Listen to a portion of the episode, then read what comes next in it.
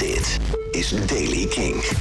Kan wat regen vallen, hier en daar een bui. In Limburg is er vanochtend kans op uh, gladheid. Temperatuur 3 graden in het zuidoosten, 7 aan zee. Nieuws over churches, Fatboy Slim en toeren vanuit Groot-Brittannië na de brexit. Dit is de Daily King van dinsdag 29 december.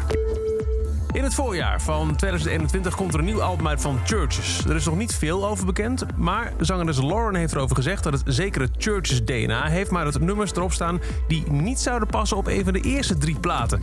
Het nieuwe album wordt het vierde van de band. Het vorige stamt uit 2018, Love is Dead. Ze zegt in een interview: Je wil dat het klinkt als jezelf, maar ook dat het voldoende is geëvolueerd en niet steeds hetzelfde is, zegt ze.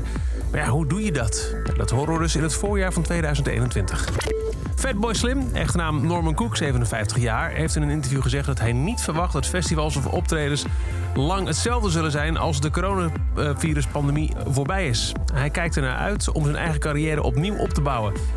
Hij verwacht, zo zegt hij in het interview, dat festivals heel erg grassroots niveau zullen beginnen. Mensen die in hun eigen woonplaats spelen. Zo zou hij zelf bijvoorbeeld graag een residentie van een week spelen bij een plaatselijke club.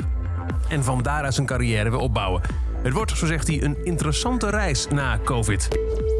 En na de Brexit wordt het er, zoals het er nu naar uitziet, voor Britse artiesten een stuk lastiger om in Europa op tournee te gaan. Daarom is Tim Brennan, werkzaam in de muziekindustrie, een petitie gestart om Britse artiesten en hun entourage visumvrij te laten toeren.